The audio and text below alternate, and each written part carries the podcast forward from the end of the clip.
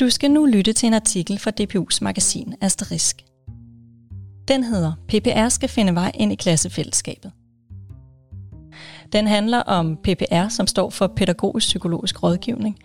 Det er den instans, der tilbyder rådgivning og sparring til lærere og pædagoger, når børn og unge mistrives i skolen. Artiklen peger på, at der lige nu er bevægelser i gang, der trækker PPR i to forskellige retninger, og det stiller PPR i et dilemma.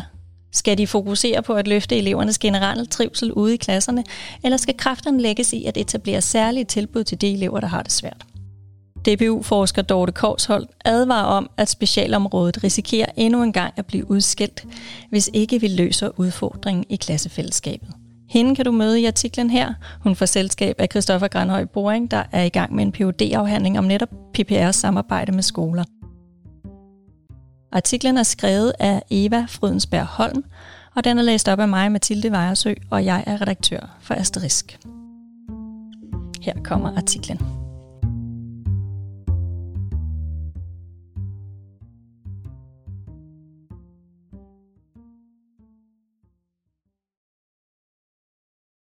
Hver femte elev i 9. klasse har på et tidspunkt skadet sig selv.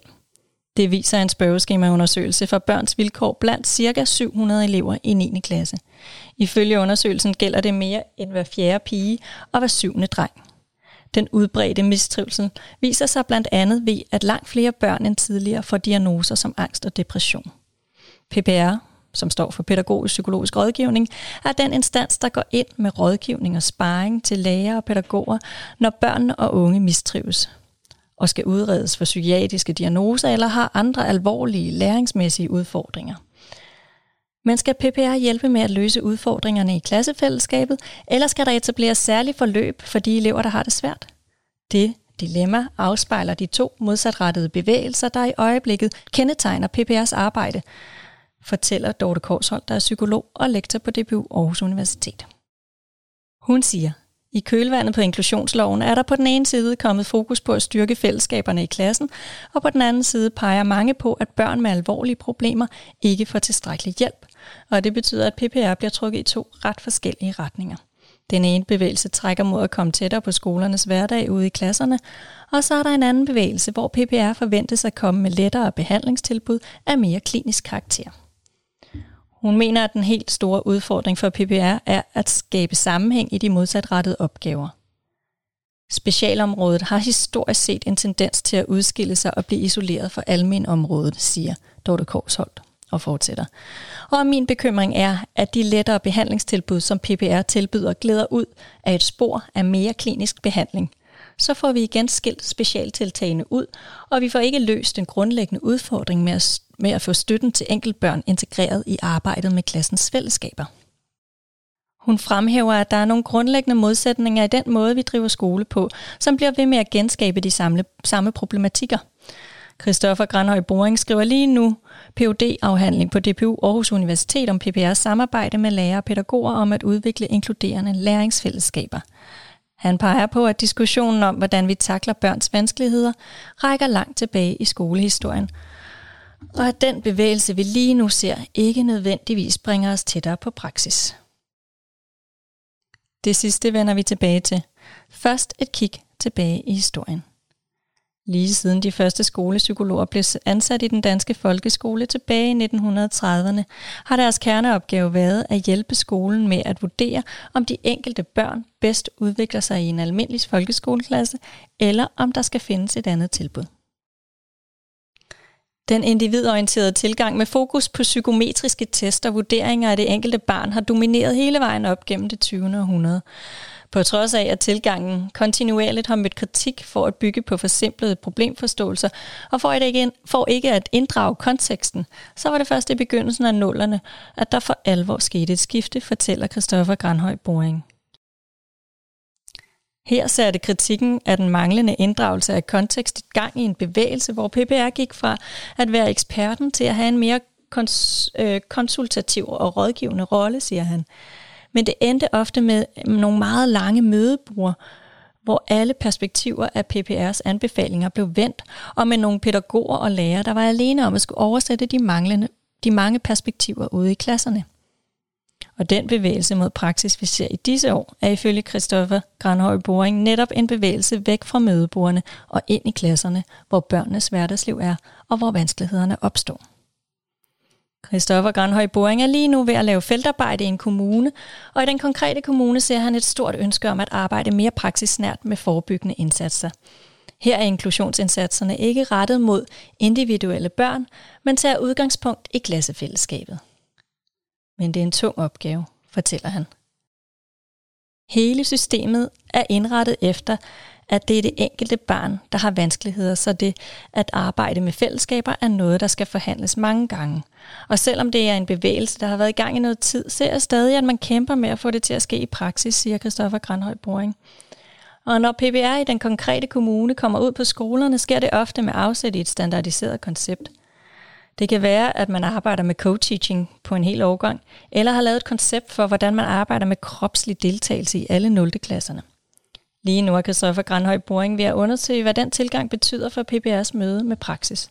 Han siger, jeg er ikke som sådan kritisk over for, at PPR tager udgangspunkt i et standardiseret koncept, men jeg er nysgerrig på, om der er mulighed for fleksibilitet. For møder man praksis med et ufleksibelt koncept, så er faren, at praksis tænkes ind i konceptet snarere end omvendt. Og så er spørgsmålet, om man har nærmet sig praksis mere end dengang man mødte den med et standardiseret test under armen. Han tilføjer. Jeg har talt med pædagogisk-psykologiske konsulenter i PPR, der siger, at hvis de ikke kommer med en metode, så føler de, sig, så føler de at de kommer tomhændet. Men spørgsmålet er, om man ikke kan, kan udforske praksis på en anden måde. Man kan komme tomhændet, men man kan også komme udforskende. Han fremhæver, at beslutninger om koncepter og evidens ikke altid er noget, der kommer fra PPR. Det kan være, at kommunen har besluttet, at der skal gøres noget forebyggende for ADHD-relaterede udfordringer, og så er PPR med til at udvikle og evaluere et forløb. Her er det klart, at PPR ikke, ikke bare kan gå ind i klasserne og gøre noget andet. Det er vigtigt at forstå betingelserne for samarbejdet i praksis fra begge sider, siger han. Netop betingelserne for samarbejdet er noget af det, Christoffer Granhøj Boring interesserer sig for i sit phd projekt og for at se det fra begge sider, har han i sit feltarbejde skiftevis fulgt henholdsvis PPR og lærer og pædagoger. Han siger, det hjælper ikke meget at flytte samarbejdet ud i klasserne, hvis man ikke har blik for de rammer, der er for samarbejdet, og for de betingelser henholdsvis lærer og pædagoger og PPR har for at være der. Hvis PPR for eksempel kun har tid til at være til stede under to lektioner ude i klassen og til et enkelt møde inden, så kan man næppe tale om at udvikle viden om den konkrete praksis. Det kræver tid, understreger han, både ude i klasserne og til forberedelse. Forskning peger samtidig på, at man mange steder har en oplevelse af, at lærerne og PPR ikke vil det samme. Lærerne har en oplevelse af, at PPR ikke har kendskab til praksis, og PPR-folkene tænker, at lærerne er imod forandringer. Men, siger Christoffer Granhøj Boring, ofte handler det om at få nogle mere nuancerede forståelser på hinandens betingelser. For eksempel, at lærerne er presset på tid, fordi de har et hav af andre opgaver, der skal løses. Også Dorte Korshold peger på, at tid er essentielt. Skal man lykkes med at undgå en tiltalende udskillelse til specialområdet, skal der være tid til at afsøge, hvad der egentlig er i spil i den enkelte klasse.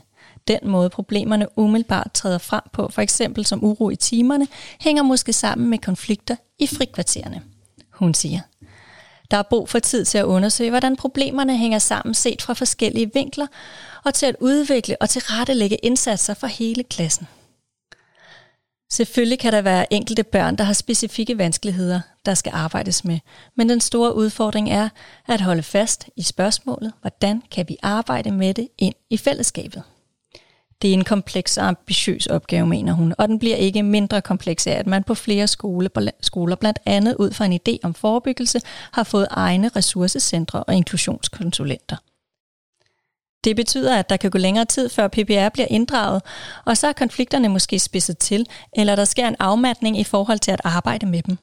Det er endnu en af de dobbeltheder, der kendetegner PPR lige nu, forklarer Dorte Korsholt. Hun siger, på den ene side har man fået mere fokus på forebyggelse, og på den anden side kommer PPR senere ind i forløbet. Mens PPR-enhederne i mange kommuner er godt i gang med at finde fodfæste i det praksisnære samarbejde, sluger den klassiske PPR-funktion med, ud, med at udrede enkeltbørn og lave lovpligtige PPV'er, som står for pædagogisk-psykologiske vurderinger, stadig størstedelen af tiden i andre kommuner. Om det siger Dorte Korsholdt. PPV-arbejdet er tidskrævende og fylder stadig rigtig meget mange steder. Og det betyder, at andre opgaver risikerer at blive nedprioriteret, når PPR bliver presset på tid og ressourcer. Christoffer Granhøj, Granhøj Boring er enig og supplerer. I den kommune, hvor jeg laver feltarbejde, kan jeg se, at PPR faktisk byder sig til rigtig mange steder. Man kan komme til sparring hver mandag eftermiddag, og de tilbyder at tage med til lærer- og team- og forældremøder. Men jeg oplever også, at der både til fordelingsmøder i PPR og til de møder, PPR har med skoleledelsen, stadig primært er fokus på enkelte børns vanskeligheder. Så min oplevelse er, at der stadig er store udfordringer i systemet i forhold til at rykke fokus fra individ til fællesskab. Det var artiklen om bevægelserne i PPR. Den er som sagt skrevet af Eva Frydensberg Holm og læst op af mig, Mathilde Vejersø. Jeg håber, du blev klogere. Du skal i hvert fald have mange tak for, at du lyttede med.